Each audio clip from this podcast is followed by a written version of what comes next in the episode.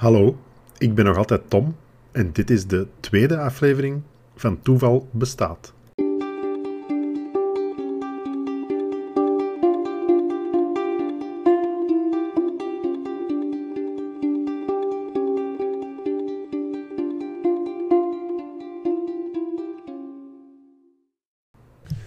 Tweede aflevering dus. Ehm, ik moet zeggen dat ik tegen alle verwachtingen in en tegen alle voorspellingen in toch wel best veel reacties gekregen heb, waarvoor dank.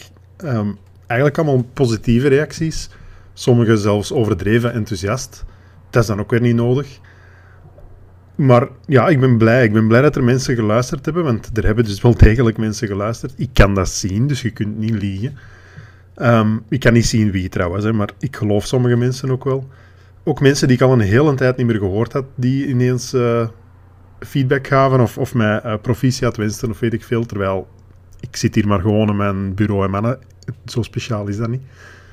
Uh, maar in ieder geval wel tof dat er toch al feedback kwam. Dus bedankt aan iedereen die geluisterd heeft en bedankt om opnieuw te luisteren nu. Um, het probleem is ineens ook wel dat, dat ik ineens besefte wat ze mij van tevoren voor verwittigd hadden: van je, je gaat content moeten voorzien. Je gaat wekelijks iets moeten opnemen. En dat begon zo door te dringen van shit, die mensen die zijn allemaal enthousiast en die willen nu allemaal nog afleveringen en ja, wat nu? En ik, ben, ik heb heel veel verhalen, in mijn leven al heel veel verhalen gehoord, ook over toeval. Het probleem is dat ik ook veel dingen vergeet. Dus nu heb ik een, een schriftje gekocht um, waar ik dingen begin in op te schrijven. Ik, ik ben echt al bezig, hè. Uh, zodat ik nu zelfs een programma kan uitschrijven voor mijn afleveringen, want anders komt dat echt niet goed. Ik heb al een verhaal van een luisteraar binnen, daar ben ik ook heel blij om. dat is van iemand via Twitter die mij uh, een verhaal gestuurd heeft. Echt heel tof. Um, dus doe dat zeker ook um, als je dat wilt. Ik zeg nog altijd heel veel. Um, ik, ik probeer erop te letten, maar dat is moeilijk. Wat ga ik vandaag doen? Ik ga een paar verhalen vertellen. Ik ga één verhaal ook vertellen dat ik zelf heb meegemaakt. Ik ga het ook heel even over dromen hebben. Want um, daar zal ik anders mee beginnen. Dromen is ook zoiets raar. Hè? Soms droomde iets, dan lijkt dat zo echt uh, dat je, als je wakker wordt, dat je ofwel denkt: Oh, maar gelukkig was dat maar een droom. Of dat je denkt: Fuck, waarom was dat nu niet echt? Want het leek wel echt. Zoals de lotto winnen bijvoorbeeld. En daar dan uh, eh, 300.000 schapen mee kopen in uw droom, waaruit dat dan heel logisch lijkt. En dan wakker worden en denken: oh, Gelukkig heb ik dat niet gedaan, maar fuck, ik heb de lotto niet gewonnen of zo. Uh, maar ik was zo eens een keer bijvoorbeeld aan het dromen. Ik, kan dat echt hebben dat ik heel uh, realistisch kan dromen, of echt dingen kan dromen dat ik denk dat dat, dat, echt is. Uh, iedereen zal dat wel hebben trouwens. Um, ik zat zo aan een kampvuur, je kent dat wel, dat je zo heel Amerikaanse van die marshmallows kunt roosteren. En we waren daar aan het doen en op een gegeven moment was ik echt een gigantische marshmallow aan het roosteren en ik had die helemaal opgegeten. En s'morgens toen ik wakker werd, um, was mijn kopkussen weg. Nee, oké, dit is geen, geen comedy-podcast, Tom, stop er gewoon mee. Dat was eigenlijk gewoon een hele flauwe mop van wijlen Tommy Cooper, die ik toch even naar boven wou halen, want ik vond dat wel passen hier. Anyway, we gaan het nu niet over dromen hebben, dat gaan we op een andere keer nog wel eens doen. Ik uh, ga het nu hebben over mijn eerste verhaal dat ik zelf heb meegemaakt, een toevallig verhaal. Ook heel toevallig was dat opnieuw met Astrid. Uh, en waar wij opnieuw iets gaan eten, want dat, ja, dat doen mensen en ik doe dat nogal veel. Uh, wij waren in Antwerpen iets gaan eten, in het centrum, bij een Italiaans restaurant. Niet zo heel belangrijk, maar wel belangrijk. Nee, eigenlijk ook niet belangrijk, maar ik het toch meegeven. Dat was de eerste en gelukkig ook enige keer in mijn leven dat ik zowel... Um, nee, wat heb, wat heb ik gedaan? Ik heb twee hoofdgerechten besteld. Dus een voorgerecht en een hoofdgerecht. Maar mijn voorgerecht was eigenlijk ook een hoofdgerecht. Ze, ze kwamen de bestelling opnemen en ik bestelde een voorgerecht, dat waren scampi's. En die vroeg, ja, zes of negen scampi's. En ik dacht, ja, die drie scampi's zullen het verschil nu ook niet maken. Of drie scampi, trouwens. Maar, dus ik zeg, ja, negen. En dan vroeg hij zo, ah ja, mogen daar kroketten of frietjes bij? En ik vond dat niet zo'n heel rare vraag op dat moment. Dus ik dacht, ja, doe maar kroketten. Denk ik. Of frieten, ik weet niet meer wat ik gezegd heb. Um, en daarna heb ik mijn hoofdgerecht, mijn mixed grill, besteld ook nog eens met kroketten. En pas toen ze dat kwamen brengen, begon het door te dringen bij mij. Vanaf dat je overschakelt van 6 naar 9 scampi, dan wordt dat eigenlijk een hoofdgerecht. Die heb ik dus twee hoofdgerechten besteld. Anyway, niet zo heel belangrijk, maar toch, ik geef het even mee. Wat gebeurde er? Ik was toen met Astrid aan het vertellen. Ik was toen single nog op dat moment, dus dat is echt al wel een jaar of vijf, denk ik, geleden. Ehm, en ik, was toen, ik had toen afgesproken via Tinder met, met, uh, met iemand, in Antwerpen ook. En dat was, ja, zoals meestal, nee, dat mag ik niet zeggen, maar zoals soms wel met Tinder het geval is, um, zijn dat nogal rare dates, of toch dates waar je achteraf een, een verhaal mee hebt. Uh, dit was dus niet anders. Dat was een heel um, opgewekt iemand, een heel uitbundig iemand, iets te enthousiast naar mijn uh, normen, denk ik. Ik weet het niet. Dat, dat is allemaal goed, hè. mensen mogen zo zijn, maar het was, het was wat overdreven. En ze was vooral heel luid. En die combinatie maakte het voor mij niet zo heel interessant. Ik weet nog dat we toen iets gaan drinken zijn op een terras, want het was goed weer. En dat ze zo direct al heel luid ook begon te zeggen van... Oh, en ik ben echt heel blij dat, dat jij um, er in echt veel beter uitziet dan op je foto's. Uh, en wat vind jij ervan en hoe vind jij het? En dat, ik vond dat allemaal heel ongemakkelijk. Um, maar bon. En op een bepaald moment zei hij ook, en dat zal ik nooit vergeten... Ze was over haar moeder aan het vertellen. En ze zei op een bepaald moment... Ja, mijn mama die lijkt echt heel hard op mij. Dat is ook een heel toffe. En ik vond dat zo... Ja, zoiets zegde dus niet. Ik zou dat nooit zeggen. Anyway, ik was dat verhaal aan het vertellen tegen Astrid. En op het moment dat ik dat aan het vertellen ben, kijk ik door de raam, want wij zaten aan het raam. En op het moment dat ik dat verhaal aan doen ben, loopt die gewoon, die een date, dat meisje met die een date, loopt voorbij, op, op dat rest, allee, voorbij dat restaurant, terwijl dat ik dat verhaal aan doen was tegen Astrid. Dus dat was waanzinnig toevallig uh, dat dat toen gebeurde. Oké, verder geen, uh, geen speciale um, dingen daaraan, maar ik vond dat wel een toevallig verhaal. Dan heb ik nog een heel, daar moet ik zelfs goed bij nadenken hoe ik dat ga vertellen, want dat is een heel uh, complex verhaal, maar ik ga het toch doen. Dat is namelijk het verhaal van een zekere Ronald Opus. Um, een verhaal uit de jaren. Goh, wanneer speelde zich dat af? Jaren 80, denk ik. Um, het verhaal gaat als volgt. Het is, Ronald Opus is de zoon van een, een gezin met uh, moeder vader en hij zelf. En op een bepaald moment beslist die zoon om zelfmoord te plegen. Nogal een tragisch verhaal. Die gaat op het dak staan van het appartement waar ze wonen en die gooit zichzelf naar beneden. Uh, wat gebeurt er nu? Terwijl die naar beneden valt, passeert hij uh, de derde verdieping. En op dat moment schiet er iemand door het raam van de derde verdieping.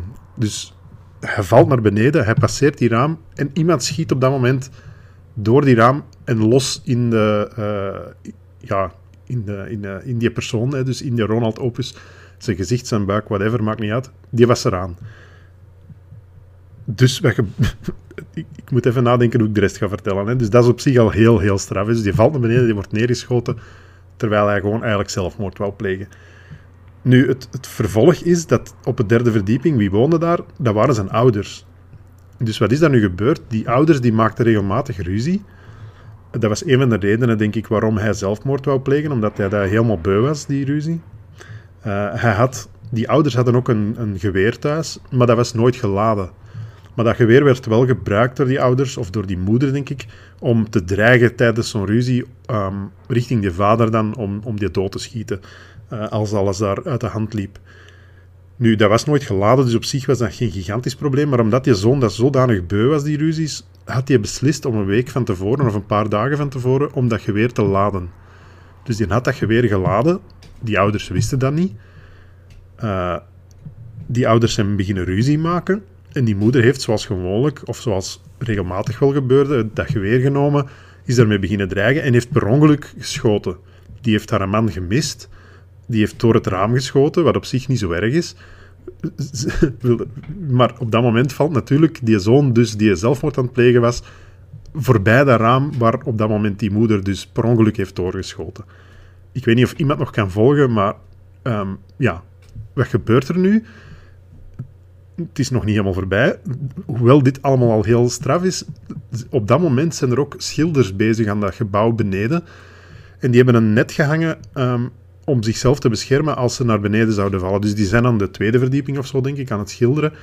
En iets boven de eerste verdieping hangt een soort vangnet waarin die zouden vallen, moest er uh, met hun iets gebeuren. Dus wij, eigenlijk wil dat zeggen dat als die zoon zelfmoord wou plegen, was dat een heel slecht moment. Want als die van dat gebouw had gesprongen zonder dat die moeder hem neerschoot, was hij gewoon in dat net gevallen en was er eigenlijk niks aan de hand.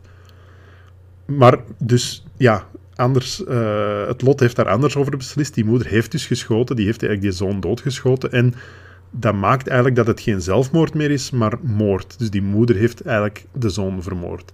Een waanzinnig strafverhaal.